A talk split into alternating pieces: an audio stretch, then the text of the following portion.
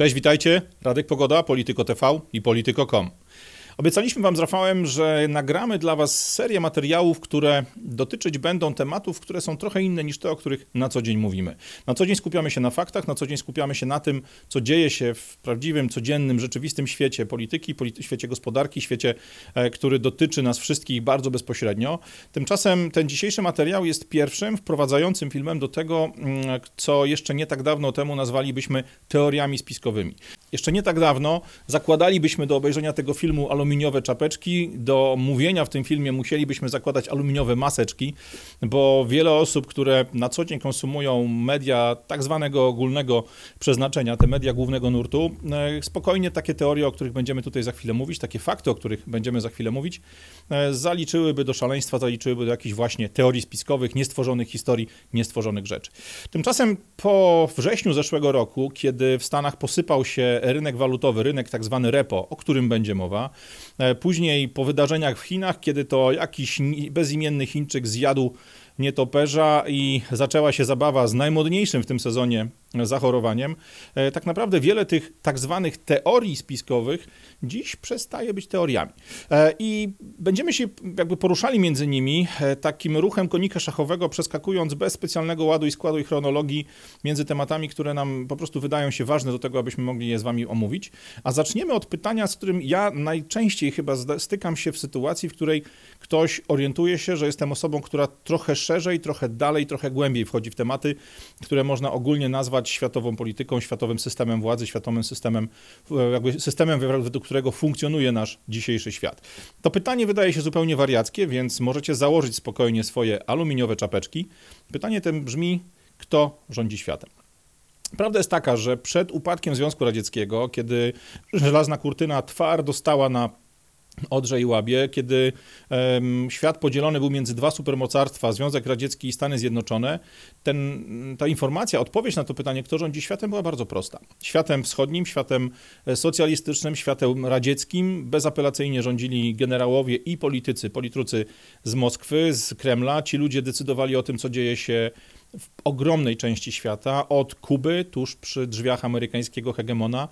przez e, to, co działo się w e, części Ameryki Południowej, części Afryki, e, oczywiście w większej części Azji, przynajmniej tej części Azji, która została przez Rosjan zdominowana, no i oczywiście w naszej środkowej części Europy. To Rosjanie z Moskwy pociągali za sznurki takich osób, czy byli tak naprawdę sterownikami, byli osobami, które sterowały marionetkami ludzi pokroju Fidela Castro, pokroju Czałszewsku, pokroju Honeckera, czy naszej plejady gwiazd z generałem Kiszczakiem, prawdziwym władcą Polski i generałem Jaruzelskim, który był dla niego ślicznym frontem. Po drugiej stronie żelaznej kurtyny mieliśmy Waszyngton, mieliśmy amerykańskich polityków, amerykańskich wojskowych, e, cały sektor, czy całą gałąź gospodarki amerykańskiej, czyli tak zwany Military Industrial Complex, o którym na pewno będziemy w, tych, w tej serii mówili, ludzi, którzy na styku finansów, na styku biznesu produkcyjnego, na styku właśnie wojska e, generowali ogromne napięcia na świecie i fantastycznie sobie z nimi radzili, zrzucając demokrację z samolotów, czy wysyłając ją w formie rakiet. Ten podział świata na świat amerykański, na świat radziecki był bardzo prosty, był bardzo jasny,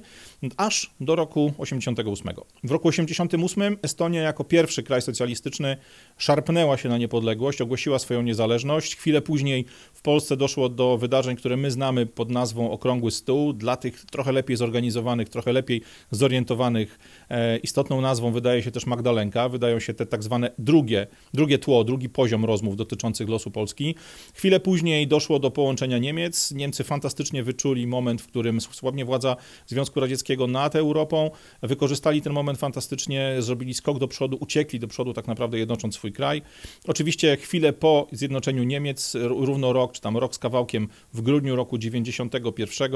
następuje rozwiązanie z ZSRR, następuje rozwiązanie Związku Radzieckiego, wyłaniają się z niego niezależne państwa funkcjonujące w ramach e, układów najróżniej nazywanych e, stowarzyszeniowych, e, gdzie te wszystkie dawne republiki próbują jakoś pod własnymi flagami, pod własnymi nazwami na świecie funkcjonować. Natomiast w miejsce tego rozpadającego się imperium powstaje ogromna pustka. Tą pustkę wypełniają zarówno Amerykanie, panosząc się po świecie, rozszerzając bardzo, bardzo mocno swoje strefy wpływów, ale też w tą pustkę wchodzi tak zwany prywatny biznes, czyli ludzie z dawnych układów komunistycznych, z dawnych układów partyjnych, którzy przejmują na grandę, przejmują po prostu na, na, szybkości, na maksa majątek państwowy, przejmują majątek narodowy i budują na nim swoje osobiste potęgi. E, w to miejsce wchodzi zorganizowana przestępczość, w to miejsce wchodzą wreszcie lokalni wataszkowie, lokalni e, przywódcy, ludzie, którzy budują e, swoją bazę, swoją władzę silną ręką, ludzie, którzy rządzą do dnia dzisiejszego tak naprawdę albo na froncie, albo z tylnego fotela wieloma krajami, które kiedyś były republikami radzieckimi, albo krajami, które kiedyś w bloku radzieckim funkcjonowały. Tymczasem na pytanie, kto rządzi światem po roku 91, po rozpadzie Związku Radzieckiego, coraz trudniej jest nam odpowiedzieć. E, z jednej strony wydaje nam się, że mamy w całym świecie niezależne rządy, że mamy różnego rodzaju kraje zarządzane metodami demokratycznymi e, czy republikańskimi, że mamy prezydentów, premierów, e, ludzi, którzy decydują o swoim losie. Ale tak naprawdę, jeśli spojrzymy sobie na to, co dzieje się na świecie, to mimo tego, że nie mamy bezpośrednich dowodów na to, że jednak jest jakaś siła, która ponad rządami krajów, ponad premierami, prezydentami, jest e, tą siłą, która wyznacza całemu światu jeden kierunek, czy w większej grupie państw jeden kierunek działania, tych dowodów jest cała masa. E, takie dowody mogą dotyczyć choćby tego, co dzieje się w tej chwili wokół w naszym otoczeniu. Spójrzmy choćby na, naszego, na naszą najmodniejszą w tym roku chorobę. E, w Polsce mieliśmy słynne wystąpienie ministra Szumowskiego, ministra zdrowia w RMF-ie u redaktora Mazurka, kiedy to minister zdrowia jednego dnia mówił wprost, że on nie rozumie, dlaczego ludzie noszą te maseczki, bo maseczki oczywiście w niczym nie pomagają. Tymczasem już kilka dni później, nie bacząc na to, co powiedział w publicznych, otwartych mediach, ten sam człowiek również w mediach mówi wprost, że maseczki są jedyną, najwłaściwszą metodą tego, aby ludzie nie zarażali się nawzajem, aby zapewnić nam bezpieczeństwo i wprowadza te maseczki jako obowiązek do używania na terenie całego kraju bez zastrzeżenia, bez żadnych wyjątków itd. Tak Czy tak zachowują się rozsądni, racjonalni, myślący o konsekwencjach swoich ruchów ludzie? Raczej nie. Możemy więc założyć, że ktoś ministrowi Szumowskiemu, mimo jego bardzo wysokiej pozycji w rządzie państwa teoretycznie niezależnego, teoretycznie niepodległego, powiedział, że musi to zrobić. E, to samo możemy, na to samo możemy dokładnie spojrzeć na terenie choćby Stanów. Tam mamy człowieka, który nazywa się dr Fauci. Dr Fauci twierdzi, że maseczki są niezbędne, maseczki są najważniejsze i Kilka dni później po tej wypowiedzi pojawia się bez maseczki na stadionie baseballowym. E, kobieta, o której mówiliśmy ostatnio kilkukrotnie, e, szefowa amerykańskiej Izby Reprezentantów Nancy Pelosi, oczywiście też jest za maseczkami we wszelkiego rodzaju publicznych miejscach, na konferencjach prasowych, na wystąpieniach pojawia się ze swoją maseczką. Tymczasem na, na, filmowana przez sklepową kamerę antykradzieżową e, paraduje pięknie po butiku bez maseczki, oczywiście z odkrytą buzią, pokazując jasno, że przepisy dla nas nie są przepisami dla nich. Idąc dalej, mamy sytuacje związane choćby z protestami ulicznymi. E, kiedy protestowali w Stanach ludzie z Black Lives Matter, kiedy protestowali w Stanach anarchiści, e, kiedy protestowała Antifa, kiedy protestowali ludzie z Extinction Rebellion, mimo tego, że na świecie jakby wtedy już panoszyła się najmodniejsza w tym roku choroba, te protesty były dopuszczane, do tych protestów e, dołączali się ludzie z lokalnych samorządów, ludzie, którzy chcieli przy tej okazji pokazać, jak bardzo są zaangażowani w sprawy tych uciskanych grup społecznych. Te protesty przechodziły bezproblemowo, e, miały wielotysięczne składy, nie było słowa na temat tego, żeby trzymać odstępy, nie było słowa na temat tego, że wymagane są maseczki, jakieś środki ostrożności czy kwarantanny po, po powrocie z takiego protestu. Tymczasem Zaraz po tym e, pojawiające się protesty związane właśnie z tym, aby usunąć lockdowny. Protesty zarówno w formie zgromadzeń ulicznych, kiedy ludzie po prostu szli w marszach, jak i w wersji amerykańskiej przejazdy samochodami, na przykład przez wiele miejscowości w stanie Michigan, gdzie bardzo hardkorowe, bardzo mocne, bardzo silne lockdowny zostały wprowadzone. Te protesty natychmiast były pacyfikowane przez lokalną policję, te protesty były absolutnie rozbijane. E, podobną sytuację mieliśmy u nas. E, Marsz kobiet dopuszczony, pozwolono tym osobom na bardzo wiele, aż do progu progu domu Jarosława Kaczyńskiego, bo dopiero tam zostały te protesty zatrzymane. Natomiast każdy, kto spacerował po Warszawie z czerwoną błyskawicą, czy po Wrocławiu, czy po dowolnym innym miejscu, bezproblemowo wchodził tam, gdzie chciał. Oczywiście w tłumie byli um, prowokatorzy, oczywiście ten tłum był w jakiś tam sposób sterowany, czy nadzorowany przez służby tajne i odkryte, ale nie czarujmy się, protesty kobiet bez problemu funkcjonowały w polskich realiach. Tymczasem protesty antylockdownowców, w których ja sam brałem udział, tymczasem sprawy związane z ostatnim Marszem Niepodległości. E, te imprezy, te spotkania, te wyjścia, te protesty były no, dość brutalnie, dość jednoznacznie przez policję blokowane, tak jak 26 października pod Pałacem Kultury, gdzie policja kordonem otoczyła protest antylockdownowy e, i nie pozwoliła na to, żeby on się rozwinął, czy jak w czasie Marszu Niepodległości, gdzie dochodziło do prowokacji, gdzie dochodziło do, do bijatyk, do naparzanki między policją a protestującymi. Niezależnie od tego, kto tam był, mówimy, możemy sobie jasno powiedzieć, że są różnice między jednym a drugim typem protestu, są różnice między tym, jak te same lokalne władze, krajowe czy miejskie, traktują jeden albo drugi typ protestu. To, czego nie wolno nam nie zauważyć, to, czego nie można nie zauważyć, to jest to, że zarówno w Stanach, jak i w Irlandii, jak i w Niemczech, jak i w Holandii, jak i w Australii, czy gdziekolwiek indziej na świecie, te same typy protestów związane z tak zwanym poruszeniem właśnie mas e, w imię wolności, w imię równości, w imię haseł takich jak Black Lives Matter, czy w naszym przypadku w imię swobody decydowania przez kobiety o tym, co będzie się działo z ich ciałami, są popierane, są sponsorowane, a jeżeli nie sponsorowane, to przynajmniej pozwala się im normalnie funkcjonować, pozwala się im spokojnie rozwijać. Tymczasem te, które są przeciwne działaniom rządów, przeciwne działaniom globalistów, przeciwne działaniu różnego rodzaju organizacji, które pchają wiele krajów światowych w tą samą stronę, te są brutalnie blokowane albo wręcz pacyfikowane, rozbijane i, i kasowane. Nie możemy mieć wątpliwości, że jakby ostatni, najmocniejszy element tej całej układanki, czyli drakoński lockdown, drakońskie e, wyłączenie praktycznie całej zachodniej gospodarki, które nastąpiło po lutym tego roku, wprowadzane przez najróżniejsze rządy w różnym czasie, ale z bardzo silnymi, z bardzo mocnymi, naprawdę twardymi zasadami, ten lockdown ogólnoświatowy też nie jest przypadkiem. Jeśli popatrzymy dzisiaj na kraje takie jak Nowa Zelandia, jak Australia, a właściwie w Australii przede wszystkim na stan Victoria, który e, przez nawet samych Australijczyków nazywany jest ostatnio Socjalistyczną Republiką Wiktorii. Jak popatrzymy na zasady, które funkcjonują dziś w Kanadzie, zasady, które funkcjonują dziś w Wielkiej Brytanii, w Irlandii, e, to są zasady, które my w Polsce możemy no, oglądać z rozdziawionymi gębami, z otwartymi szeroko oczami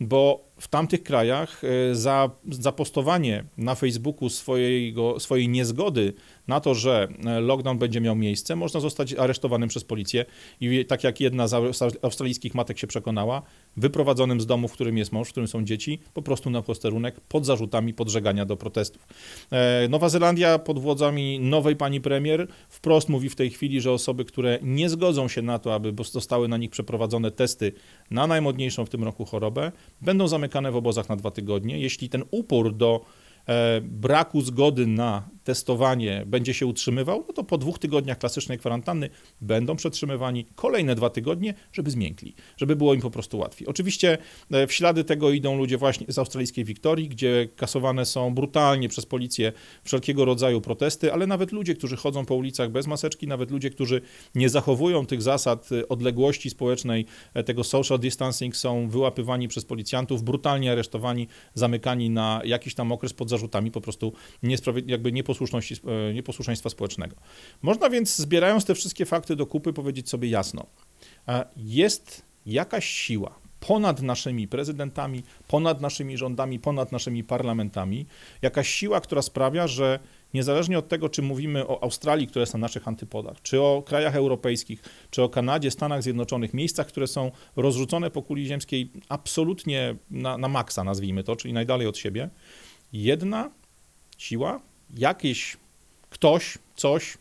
sprawia, że wszystkie rządy, wszyscy premierzy, wszyscy prezydenci, wszyscy ludzie, którzy w tych krajach mają cokolwiek do powiedzenia w zakresie jakby stanowienia prawa i wykonywania władzy, wszyscy ci ludzie w tym samym czasie robią to samo. No i tu pojawia się właśnie to hardkorowe pytanie, ok, czy to oznacza, że mamy jakiś rząd światowy, czy to oznacza, że mamy jakąś strukturę, na szczycie której stoi jakiś super villain, jakiś super przestępca, super złol, jak to mówią moje córki, e, czyli osoba, która ma e, jasny, w swojej własnej osobistej głowie wprowadzony wzór na to, co będzie ze światem się działo, czy jest jakiś nowy Napoleon, czy jest jakiś nowy e, super Stalin, czy, każdy, czy jakiekolwiek inne nazwisko tu postawimy, który rządzi całym światem. Moim zdaniem takiego Blomfelda, takiego Stalina, takiego Hitlera, takiej osoby, która jako jeden człowiek, jako jedna jednostka decydowałaby o tym, w którą stronę świat idzie, na pewno nie ma. E, taką osobę łatwo byłoby określić, tak łatwo byłoby też e, wpłynąć na nią albo ją po prostu usunąć. Nieraz już w historii świata zdarzały się po prostu morderstwa polityczne, które zmieniały zupełnie wygląd rzeczywistości, zmieniały zupełnie zachowanie ludzi e, i usunięcie takiej jednej głowy byłoby super łatwe. Myślę, że w miejsce tego właśnie pojedynczego człowieka, pojedynczej osoby, która, która rządzi światem, która podejmuje decyzję na temat tego, w którą, świat się, w którą stronę świat się będzie rozgrywał, miejsce takiej osoby w dzisiejszych rzeczywistości, w dzisiejszych realiach przyjmuje dużo większa grupa ludzi. Nie powiem wam, czy jest ich 10, 200, 300, 3000 czy 5000. W skali świata i 7 miliardów zamieszkujących ją mieszkańców to i tak jest małe grono, nawet gdyby było ich nawet wiem, kilkadziesiąt czy kilkaset tysięcy.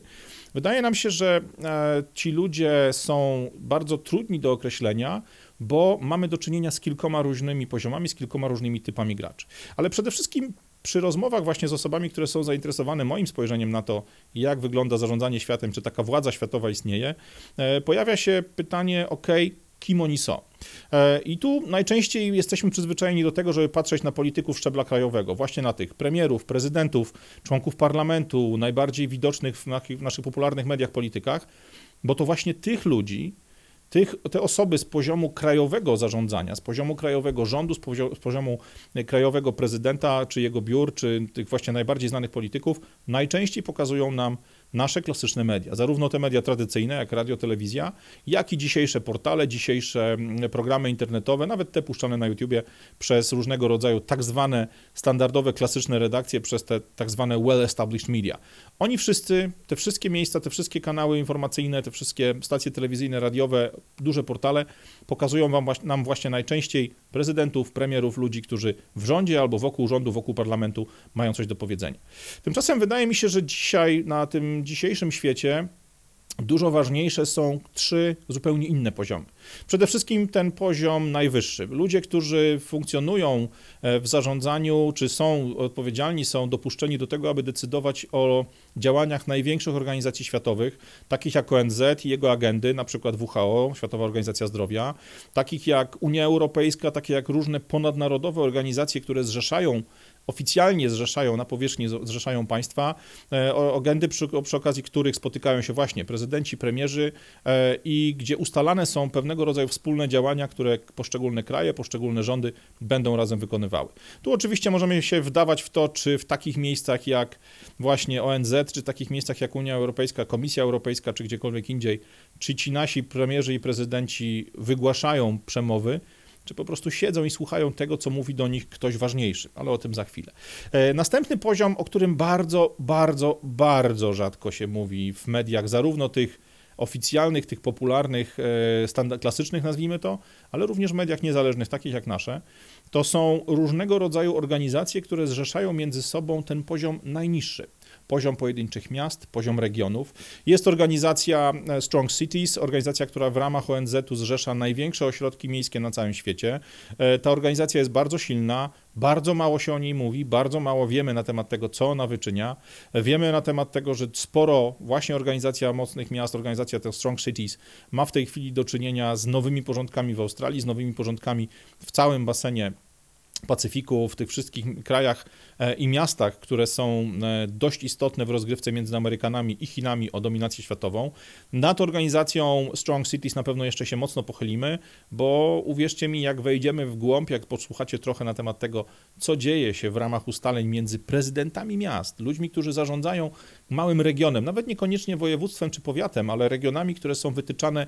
zupełnie inaczej niż życzyłaby sobie tego władza centralna, zupełnie inaczej niż życzyłby sobie tego rząd w takiej Warszawie, Berlinie czy Mogadiszu. E, ta organizacja miast, ta organizacja regionów jest cholernie silna, ma bardzo duży wpływ na to, co dzieje się na całym świecie. I jak spojrzycie na to z bliska, jak spojrzymy wspólnie na to z bliska, okaże się, że wiele inicjatyw, które e, pojawiają się na końcu świata, za chwilę pojawią się również u nas. No i trzeci poziom, ten poziom, który ja nazywam poziomem niewidocznym. Tak? O ile mamy poziom najwyższy, czyli właśnie ONZ, agendy ONZ-owskie, organizacje takie jak Unia Europejska, te najwyższego poziomu, które zrzeszają całe państwa, poziom najniższy samorządowy, między nimi poziom polityków krajowych, samorząd, właśnie polityków typu Rada Ministrów, typu premier, typu prezydent, e, ten poziom najniższy samorządowy, istnieje jeszcze poziom czwarty, poziom niewidoczny. To jest, to jest poziom, na którym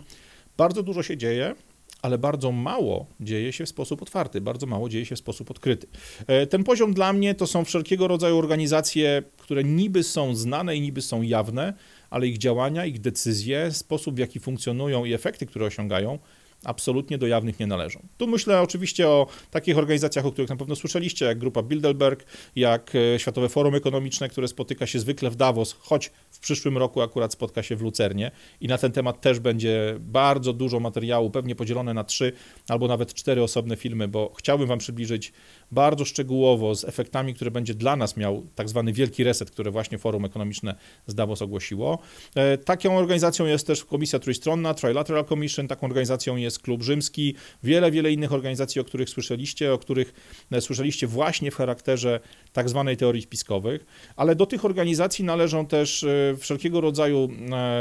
jawne i nieformalne organizacje finansowe. Tu oczywiście natychmiast do głowy przychodzi BIS, czyli Bank Rozrachunków Międzynarodowych, e, siedząca w Szwajcarii ekipa ludzi, która jest bankierami bankierów, czyli decyduje o tym, jakie będą najróżniejsze wyniki, jakie będą najróżniejsze ruchy finansowe w skali całego globu, w skali wszystkich gospodarek światowych. Takim też niejawnym, a właściwie niepopularnym i nieczęsto widocznym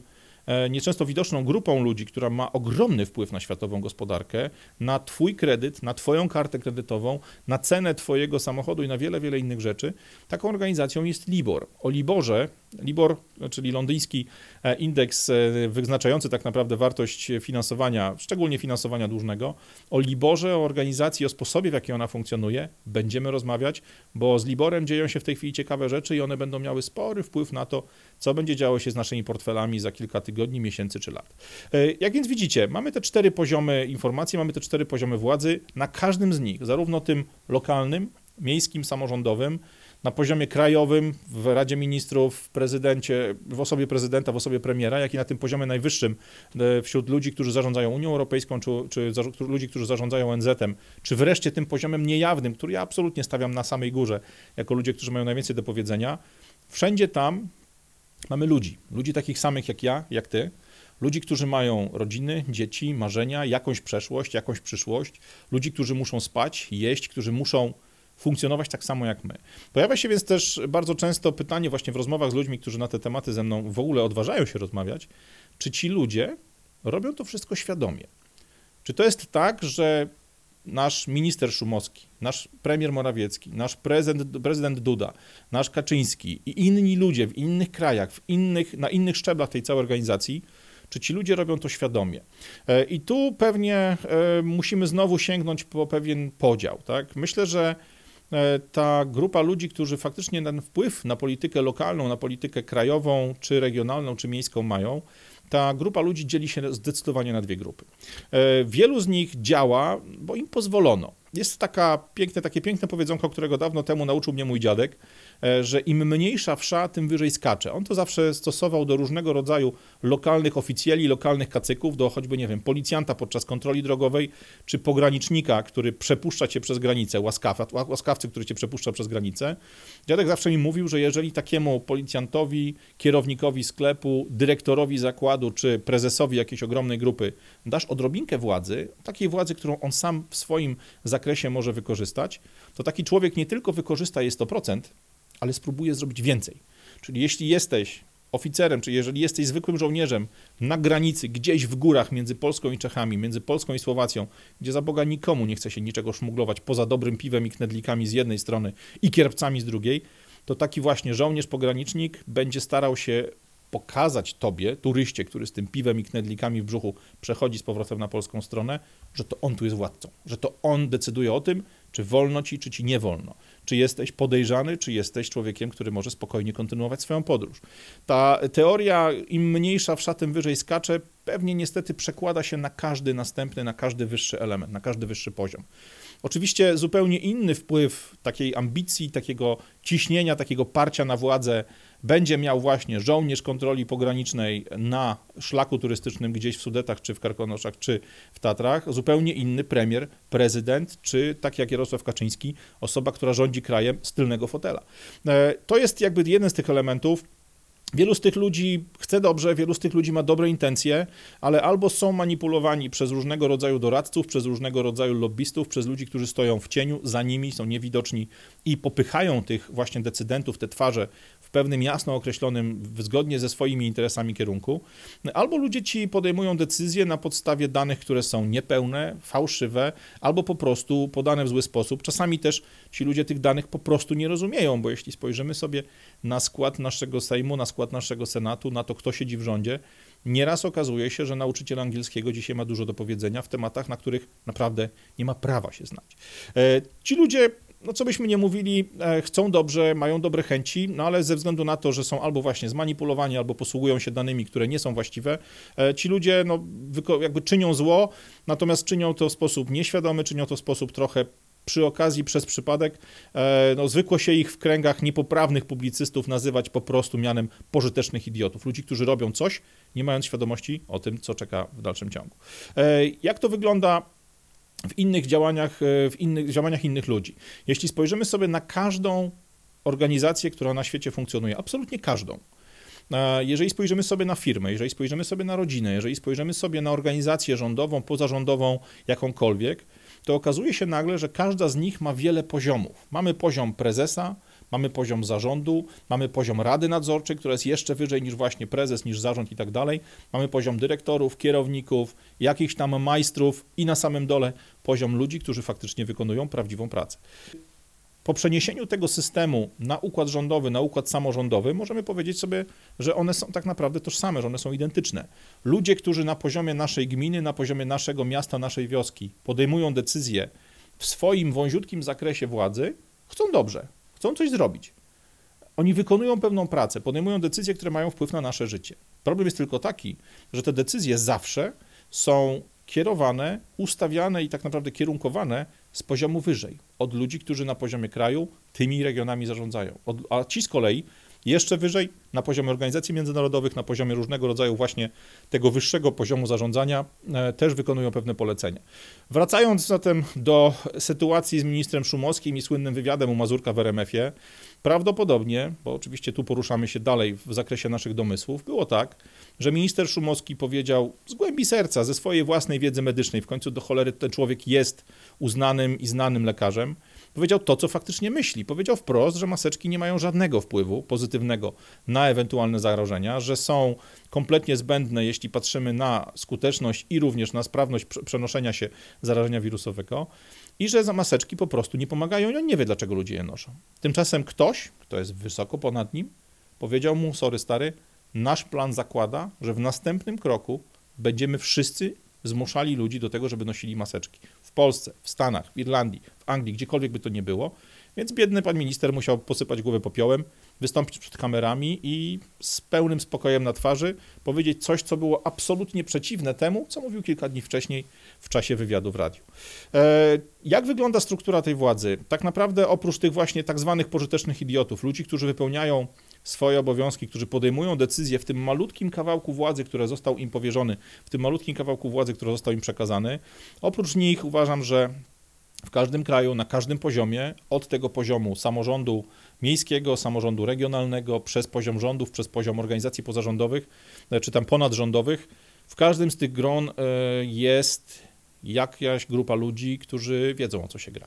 E, I tematem tego, w jaki sposób zarządzać takimi rozrzuconymi po całym świecie, funkcjonującymi na różnych poziomach, ludźmi, którzy mają odrobinkę władzy i którą tą odrobinkę władzy, aby ją dobrze kierować, aby ją komunikować w taki sposób, aby ją kierunkować w taki sposób, żeby oni wszyscy działali niezależnie od siebie, ale działali w jednym celu, prowadząc cały świat, prowadząc całą gospodarkę, cały nasz przemysł, całą politykę w jednym kierunku, e, takie zadania, takie działania można osiągnąć w tej chwili tylko w jeden sposób.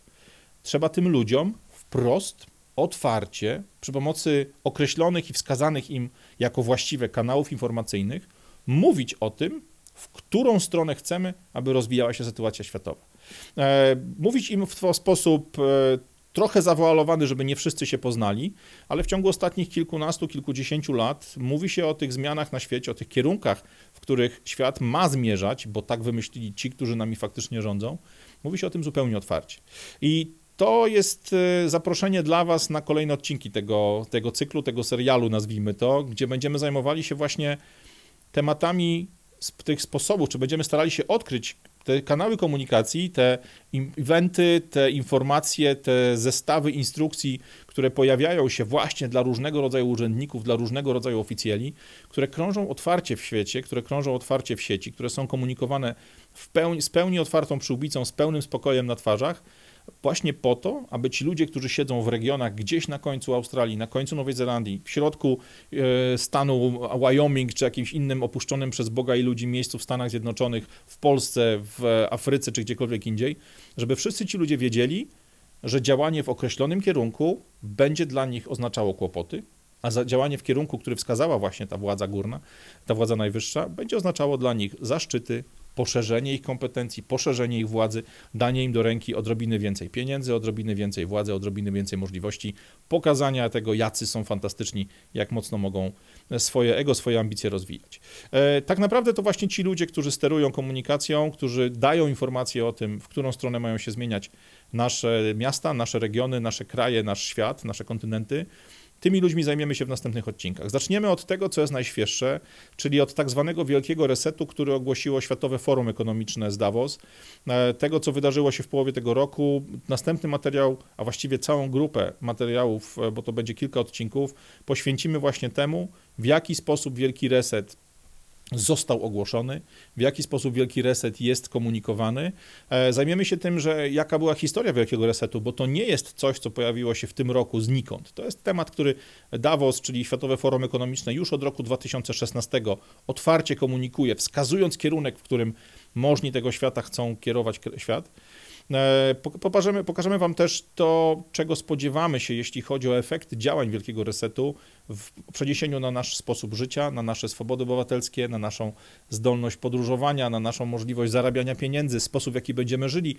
ile będziemy mieli wolności, ile będziemy mieli cenzury i tego wszystkiego innego. Zapraszam Was już dziś na ten kolejny materiał. E, możecie przyjść w aluminiowych czapeczkach, ale w związku z tym, że będziemy poruszali się tylko i wyłącznie tym razem po faktach, nie będziemy mówili o żadnych super przestępcach z Jamesa Bonda, będziemy mówili o konkretnych ludziach, którzy mają konkretne nazwiska, twarze, stanowiska. Będziemy posługiwali się materiałami ze stron internetowych organizacji, o których jest mowa, z wywiadów, których ci ludzie udzielali, oficjalnym, jakby legalnym i uznanym mediom.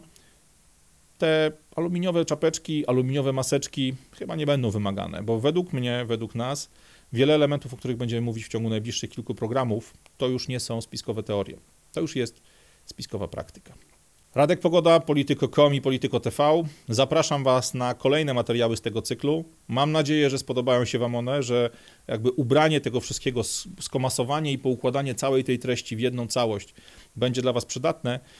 i że będziecie dzielić się tymi materiałami z ludźmi, którzy jeszcze kilka miesięcy temu sądzili, że są to właśnie spiskowe teorie. Myślę, że wielu z nich po tym, co wydarzyło się od lutego, od marca, po tym, jak bardzo zmieniło się ich życie,